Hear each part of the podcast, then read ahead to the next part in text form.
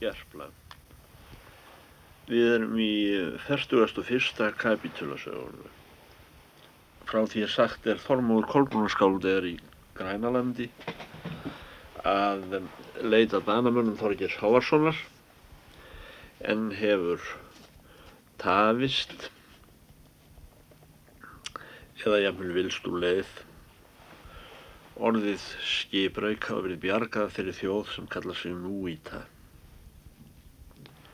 Það þóttu mikil tíðandi í veiðisveitum er hópur einn söður gengin hefði í farangri sínum Þormóð Kolbrúnarskáld.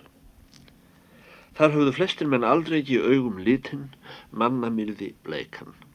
Spurðu nokkrir hvað skeppnu það væri eða hví hann væri haldin með hundum. Hinnir sögðu þau deili á Þormóði skáldi að hann er af ætt núíta upplitaðra. Þeirra er öngva digð játa utan morð. Og svo það er morð þjóð bleik kom í verð þeirra síðra og draf fólk allt er náðu. Þar í meðal þá menn okkra er hundum óku af mikill list og svo konur er spík brættu hverna best. Lofa nú hver sína hamingu mesta er honum var af tunglbónda og móður sjókindarinnar við þyrmt kynningu litverfra manna. Utan slíkan fróðleikar spekimenn kunnu að telja frá þeim í hvaðum. Liggur nú Þormóður á nætur með hundum í ymsum stöðum norður á heims enda þar sem dauði býr og er æfi hans heldur döfleg en banamenn uh, Þorgers Garps Hávarssonar eru jafn fjarrri vopnum hans á nokkru sinni. Vakið þá marga stund einn þrá í brósti honum, svo að mega lifa þann dag þótt nú sínist langt undan að koma á fund þess ins ríkja konungs er Þorger þjónaði og nú reða Noregs veldi með sænd og þó að undan bæri hemd þá er gerði hann verðan að koma fyrir konungin. Girnir hann að ebla lof sliks konungs með hvæði því er menn skulu minnast þá er aldir renna.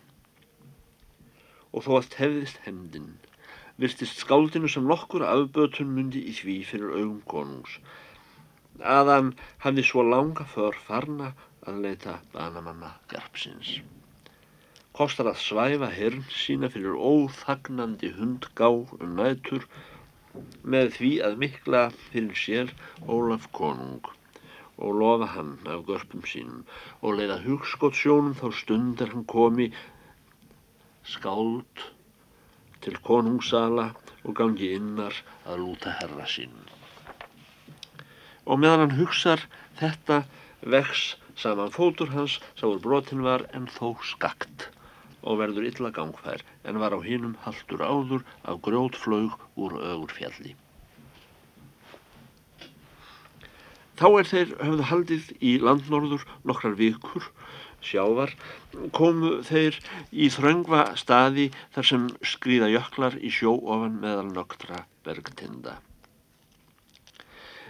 Veður tók mjög að spillast og býður leiðangurinn oft dægurum saman hríðteptur komu þó að lokum þar sem þeir áttu bústæði sína og heima steinhróf á nesjum sum borghlaðin en reft yfir önnur með hvælskýðum og þandar húðir í millum. Hér býðu þeirra heimasetumenn, öldungar og börn og ófhunda. Það er að segja mikil fjöldi hunda. Þá er hér var komið, bera þeir á land upp, skip sín og maka vandlega og festa upp á trönur hávar að eigin á í hundar að gnaga. Ditta nú að húsum og tjöldum og sleðum og öðrum reyða til vetrarins. Það er síður þeirra á vetur að aka hundum í tungsljósi um lagða fjörðu, allt út í hafsauga, að fá sela, e, þá er veður gefast. Var hér mannfagnaður í sel og rostungi meiri enn í öðrum stöðum. Sumir starfa að því að bera þang á hrófin og síðan snjó, en aðrir tjölduðu innan með húðum og settu eldgögn og ljósker því að ekki skorti eldsneiti í spiki og lísi. Í þessu landi lýsir tungl og eigi sól á vetur og því er tunglbondi þar kallaður ágæðastur bonda. Hvarf smám saman af dögum, allt ljós af sólu. Uns þar kom að menn sáu aðeins grilla á hönd sér stundarlangt á miðjan dag. Um þessar myndir hafði Þormóður Kolbrunar skáld eignast trúnað hunda. Svo að þeir er í fyrstu voru honum grimmir gerðu sig eigi jafn líklega sem áður að rífa hann á hól. Og jafn framt hækkar vegur hans hjá mönnum. Setja þeir hann fyrstan meðal þessara kikvenda undir þeim öndvegis höldum er þar voru settið til gæslu.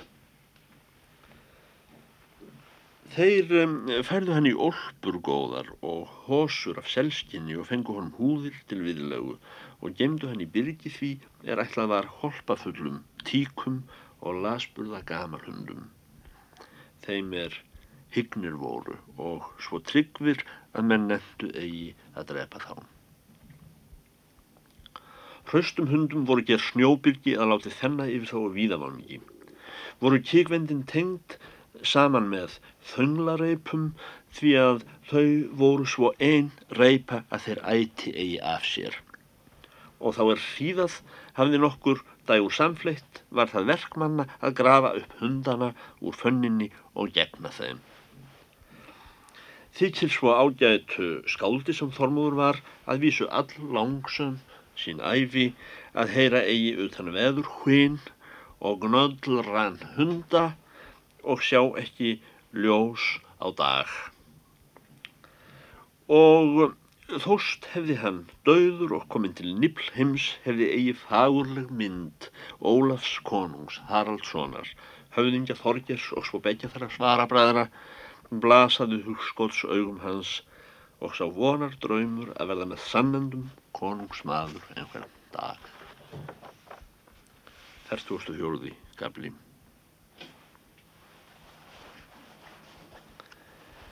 Nú tefur Þormóður Kolbrunar skáld í þessum stað allvel haldinn í feitsel og blóði og úlnum fogli sem þar er ég til með fyrinu en rjúpa með sarpi.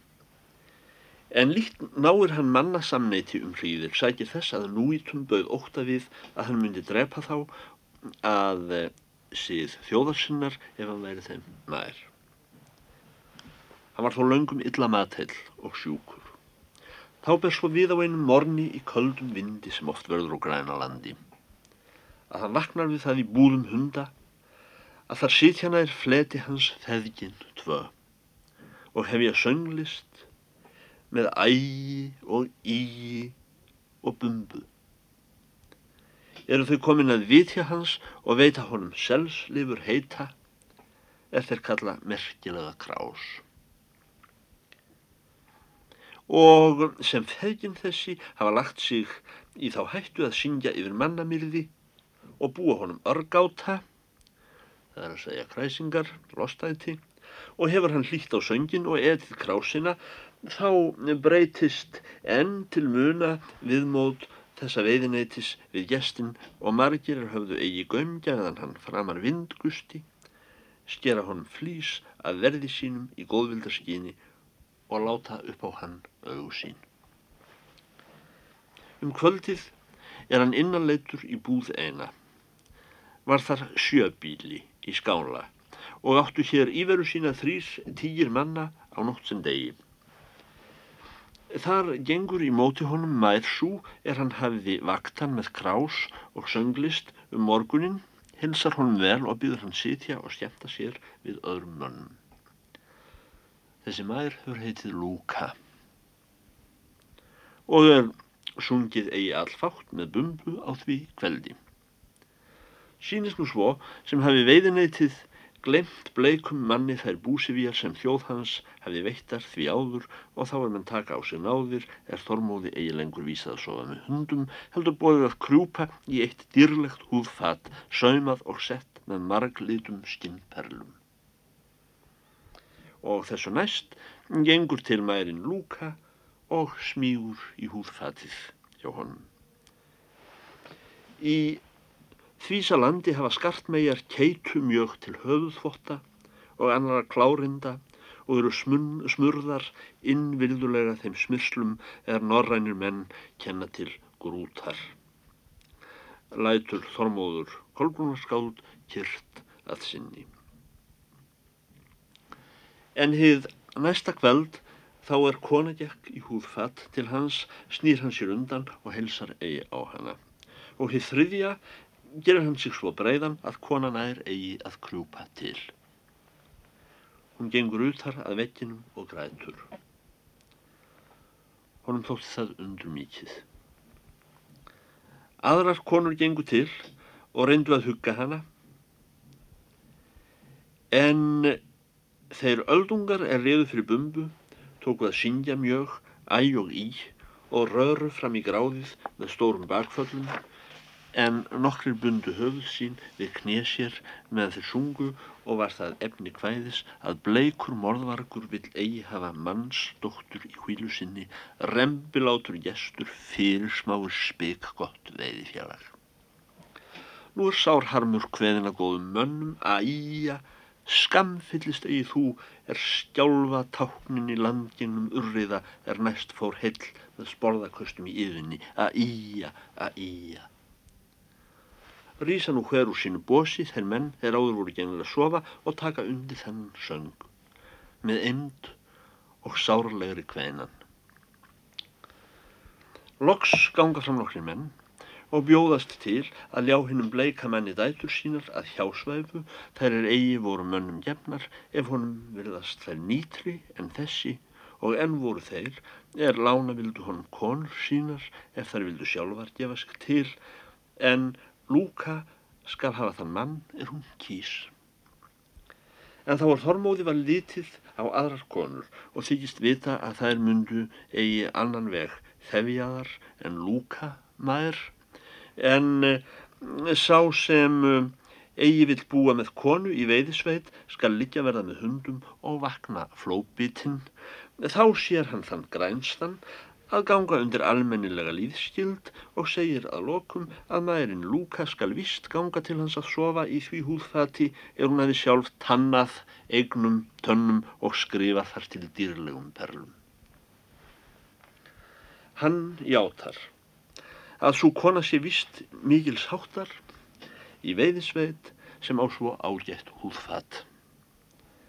Og af þessum svörum fagnar öll þjóðin og lofar hver sem mest má þann bonda er hefur gert sér tunglið að soðningarstað en sumir lofa hérna einhendu móður sjókindarinnar. Konan gengur utar frá vegginum þar sem hún hafi grátið í fyrstu undirleit og þerði af sér tárin með handarbækinu takklátt að hann skildi hafa vísað brott öðrum konum og þó ekka þrungin. Og nú verður þormúður af því linur að finna konu er virðið gæfu sína til tára. Er hann er áður stildur við þær konur þurreigar sem mestar eru orðnar á Norðurlandum og leikið höfðu að fjöreggi hans inn í Hornbjargi. Segir að smáu rýður hvað þjóðir kalla Ilman og er einni þjóð Ilman þar sem annari er fnikur eða ólíkt og skal þessi vist vera mín spúsa. Spúsa þýðir ekta frú. Og líða nú stundir fram. Það þótti Þormóði Kolbrúnar skáldi undarlega við bregða er hann var kominn úr norræðnamanna byggðum í útnára þenna. Þá hefði í hinnum fyrrum stöðum þröngtmönnum óáran með hungur og veinan, mandauða og fjárfelli, en hér norðar sjálfum endimörkum mannlífis voru alls nægt til þeirra hluta er þjóð telur sér gæsku í tólokk tæki, hús og skip, klæði og skæði, matur yfirinn, ljósmeti og eldsneiti utan enda. Fátt varði hvaðum með norrænum mönnum, sur í landi, skáld, döf og smá. En hér voru hvæði laung og allir menn skáld og þá er einn hófst upp og varð stefamunni, tók öll veiði byggð undir og let eigi staðanumið á því dæði. Vestri landi voru norrannir menn jafnan í lífsháska á sjó og landi fyrir veðra sakir. En hérra snöru vetrarhörkul með laungum stórhýðum og aftaka frostum, öngum slíkum brotti gegn mönnum, sátu þá núítar umbergist tálgusteinsketilinn og undu aldrei ekki betur hagsínum en þá er hús þeirra voru fendt í kað með öllu svo að þeirra sáist engin merki í breðan undir hjálmi tunglsins. Nefna hraustir menn voru látnir móka sig upp um þeikjuna, höppum og glöppum að gera op fyrir reknum. Ljós brann á lampa þeirra nótt og dag. Og svo mikill hiti var jafnan í hýbílum nú í það, neðan fannar, að þar gengu allir menn nögtir um daga utan báru stinn, svindu, litla á miðjum sér. Þar hafði hver maður nokkur starfa á hendi, nokkrir við natseld og hreinlætisverk, sumir teldu stein og gerðu kér eða bein og smíðuðu sér skuttla og annars bjót, en þá er þeir smíðuðu, höfðu þeir þar til engi bíti árn en skóðu bein með harðara beini. Þengi höfðu þeir í stað nagla að halda saman smíðsynni. Nokkrir mýktu skinn til klæða með bareflum og sköfum eða tönnum, en konur saumuðu fuglshami saman til nærklæða. Var hvalseimi þráður þeirra, en hér að tenn höfðu þær nálun. Þar voru á menn eða jafnan kald hömruðu náttúru í árun. En engi maður var í þessum stað er stundaði á vopnafræð nýja höfðingjadýrð. En þó að Þormóður væri hér komin í bland við þjóð, friðu góðari og samlindari síni meðal en aðrar þjóðir. Og áttust öngvir menn illt við, en einn og sérkur var stóð og stilla síns náungs. Og engi kvíð bjóður, utan sá maður fór eitt saman. Og þó að fólk þetta byggi við sælu og auðræði í landi þar sem norrannir menn höfðu ekki utan hardræð og dauða. Og þótt þjóð hefði fengið sérhverjar íþróttar sem nöðsynir að kunna til þess að fagna í landi mannlífi góðu. Og væri þeim allt hamingjulán lið er af spíkim á renna og miklu er öruglegra og góðfísilegra en hitt er af gulliflítur þá þykir þessum annarlega gesti lítið til alls koma er hann dvels nú loks með þjóð sem orðin er í landi sínu sannlegur smiður sinnar hamingju. Og um, ef Þormóður vildi taka til hendi að reyna sig í einhverju starfi, fær hann eigi rétt tök á nokkru áhaldin í að tóli, er þar var haft til smíða eða annarar íþróttar. Og þótt og þótti þó allt leika í höndum honum forðum er hann byggði við djúb. Tungu þeirra nefnur hann eigi annan veginn hundarskinja hljóm af mannamáli. Og þá er þjóðin skipast í hvirfing að hveða hvæði sín og leggur þar hvert mannsbarn orði belg, þá lokar skáldið sjálft hlustum fyrir þeirra hveðandi sem fastast hann má. Þykir honum öll hvæða efni lítilfjörleg er með þeirri þjóðverða sem aldrei ekki hefur unnið fræðarverk svo að menn viti.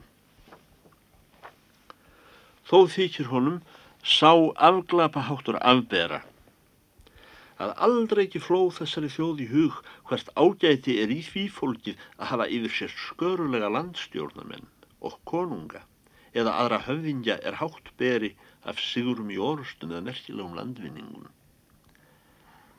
eða af því að þeim fyldu garpar og skáld. Og sínist honum sá landsmúur undarlegur er þar finnast eigi gildir bændur þeir þröngva megi kosti hinn að smæri. Og svo hefur hann sjálfur sagt að þá er hann dvaldist með þessari þjóð Þá hærist eigi með honum utan ein hugsun, nótt með degi. Sú, að það var skaði mikill, er frjálsbornar, hetjur og skáld og þeirra konungar skildu eigi tilhafa abla sem þurfti að afmá svo heimska þjóð og leiðilega. Það er sagt að Þormóður Kolbrúnarskáld hafi í þessum sóðningarstað vanist á að eta selslifur heita. En heldur mælist illa fyrir er Lúka húsfreyja færir bleikamanni krás umfram þær er aðri bændur þáu að sínum konum þar í veiðfélagi. Ætlaður gengur að mata hann þá er aðri bændur urðu að eta hjálparlöst. Er nú ger, vitur maður, sá er málkunnugur var tunglsbundan á fund þeirra hjóna að tjá þormóði að engi kona skal í veiðineyti unna bonda sínum meira en aðrar konur sínum bondum. Fellur og eigi vel sveitinni að jafnan tuldrar bleikimaður ofan í barm sér svartagals-raus nokkurt. Þá er alþýða hverður. Og vilja menn vita hvað þar til heldur. Þormóður hvað samgjarnalegt að sér væri meir unnað í selslifur en flestum mönnum. Með því að hann var maður Ólafs Haraldssonar er ágæðtastur var konungur á Norðurlöndum og var hann fyrir fóstbróður sinn þessum konungi áhendur og söng jafnan hans lof hvað sem súðaðir menn. En líkt skildu nú í þar af þessari ræðu var þeim landskipunar bók eigi með öllu kunn og höfðu aldrei hirt getið konungan í garpa eða spurðu þeir hvort ekkur Ólafur þessi hundum betur en aðri menn nú líður af þessi vetur sem aðrir er eigi voru skemri og tekur brestum að slá í nóttina og þefvísir menn segja tíðendi að þá andaði móður sjóstjefnunar þegjað landi úr hinn fyrstum höfum þar sem hún á sóðningar stað. Og nær sól egur sínum björtum heiminhundum sunnan jökulinn og tunglbóndin vörður lánættis er sofagengin þá vekja minn hunda sína jarneska og busta að neyðum snjó og farað vitja þeirra gjafa er kona hinn einhanda hefur upp látnar á ískörina. Þormóður lætur fyrirberast heima í skála og hyggur á fræðarverk meiri en seladráp eða rostunga. En sem hann verður tíðin helsti laung, þá fær hann sér það til dundurs að tegja á flærðir, konur, er það starfa í skálanum. En farin er á Ísa, svo er honum að gefin að lög rýsa þessu atferli kurr með þjóðinni. Gerðust konur ábrúðugar, hver í annar garð, því að margar vildu í senn sanga með þessum upplituðum mannamirði. En karþjóð þrútnar af sorgum er uppteflt, verður sóma þeim, er hlýða þykir að konur beri. Og kom þar að lúka húsfreyja finnur sýstur sína mamlúku mei undir feldi mannamirðis eitt hvert kvöld. Og þá að Lúka hefur fundið mamlúku undir feldinum vil hún uppreka meina en maður vil eigi uppstanda fyrir ástarsökun og sest á konan utar við vegg og hefur upp grátt. Móður hennar gekk til og settist á hætjur sínar við hliðmenni og grét einneginn sem hún mátti mest aftaka og síðan frængur hennar og venslakonur og verður mikill grátur. En eigi vil mærin uppstanda undan feldi þormóðar að heldur. Það síður á Norðurlandum að þeir menn eru haldnir rétt dræpir sem fýbla konurmanna en eigi kunni þessi þjóð það sem fyrir var litað. En það er haft fyrir satt að þótt núítar leti aldrei hemd nýður koma. Var ein óbóta sög öllum yllverkum meiri með þessari þjóð en hún var svo er maður gengur frá konu sinni að óseikju og lætur hana eftir sorgandi en leggur lagsitt við aðra konu að hinni ásjáandi. Við þessum glæp lágu þingri viðurlög og harðari kárínur, kárínur eru trúalegar refsingar, en nokkru yllverki öðru því er verðam á í veiðineyti. Refsing þessi, óuleg, er með þeim hætti að menn taka snjótilling og púa í nefn honum og þar með blása þeir frá sér óþöksinni á því verki er unnið þar. Síðan er foglinn, látin þar sem yllvirkinn byggir og ganga aðrir menn á brott. Frá þeim degi sér þjóðin ekki framar óbótamannin. Nýja játir hans návistu í veiðinætinu og skal hann fara einn saman síðan. En sá maður sem fer einn saman er döður. Nú fer í hönd svo tíð. Er menn skildu taka sig upp og fara til sumarfanga, var tekið að lýsa nótt. Þá verða menn þess varir eitt hvert kveld að fogl hefur flóið í skálan og ber vangjum við rótinni af miklu volaði síns fogls hjarta við tilkomu fólks seður alla menn hljóða. Og því næst eru menn sleiknir óta. Standa á fætur af skyndingu og verða á brott úr skálanum. Þar týnist á brott tengdalið þormóðar, kona og mákona og öll ætt. Og svo þær konur aðrar er átt höfð vingott við gestin fyrr. Og hefur hver það með sér er heldur á. Þar til er hann er einn eftir í húsinu og foklinn. Hann situr um stund og hlustar á foklinn berja innan ræfrið vengjum sínum og vendir þess að sveitin snúi aftur inn. En það verður eigi. Loks rýst Þormóður á fætur og lætur upp húsið fyrir foklinn og flýgur hann að vild sinni leið þá er tunglbóndin vísar foklum og móður sjótindarinnar og nú gengur Þormóður út og kallar að fokl sé á braut flógin en því sinnir yngi maður.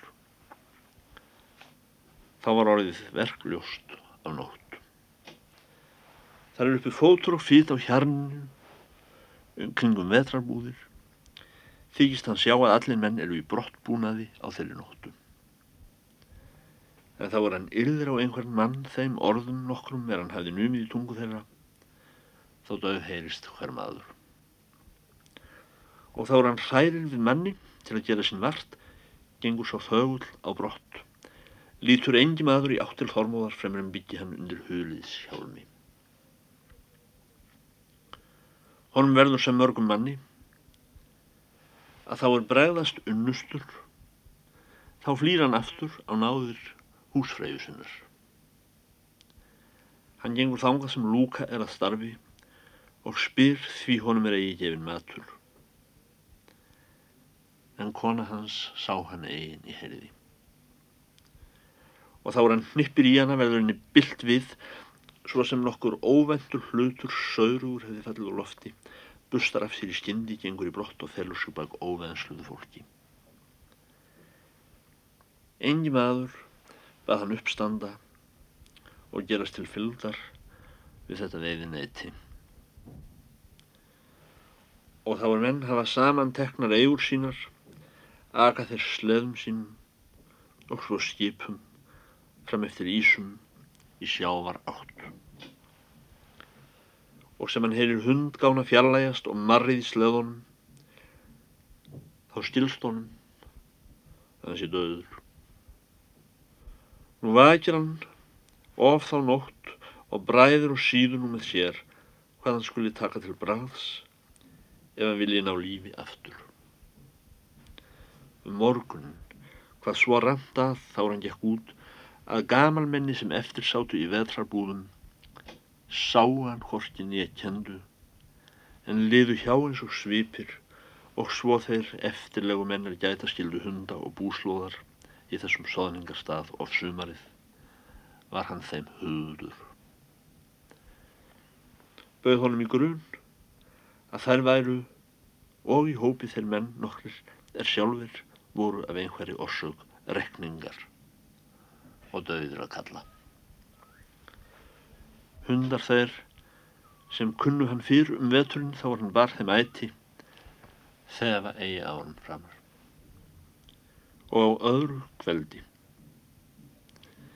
er hann skrýður eitt saman undir skinnsleitur vond í auðum kofan og hefur um daginn haft ekki verð getu utan þá er hann tindi úr sorp haugum þá leiðir hann í hug sér daburleg örlög þess skáðs er einn var mestur garpur og ástmaður hvenna er velið hefur á Norðurlundum ekki hundar finna lykt af honum kvíksettum norðar veraldu. Og sem hann liggur og hugar að hver kostur muni að vakna aftur til lífs og lofa fræð og lofs konungs. Þess að hann hyggur afl hafa og tign meiri öðrum konungum. Þá heyrir hann kokhljóð hunda og brun meiða utan af hjarni og þvínast skrjáður í skinnum úti fyrir skáladurum svo sem jafnan verður hvað sem nú í tal fara og er nú lift hellunni frá þessum gravarmunna og stígur maðurinn þangað sem skáldilegur döður og er bráðlega sestur við höfðaleg hans og hefur lagt munnin við hörund hans og kennir hann á andardrættinum að það er komin mamlúkamæður glæpur hans. Hún tekur úr barmi sér selslifur heita og veitir honum. Hann þykist stilja að minni mælist svo. Að vísu erum við farin suður í heim brott frá líki þínu. En að nótt var áfallin og höfðu við slegið tjöldumúrum og allir menn sofa gengir þá vakta egg og vissa egg það eitt að þau hlaut aftur að snúa til þín þóttu sért döður því að svo anneg þér að þau vil búa við þig öðrendan heldur en eigi. Og þar býr hún við skáldið eina stund í myrkri nætur og matar hann á lífur og vefur feldi góðum, snýr á brauð síðan. Egi heyrir hún það er hann mælir við hana. Í þættir stöðum manni í öngu, en ann honum af því volaði sem mest getur hann annar konum og er á blott.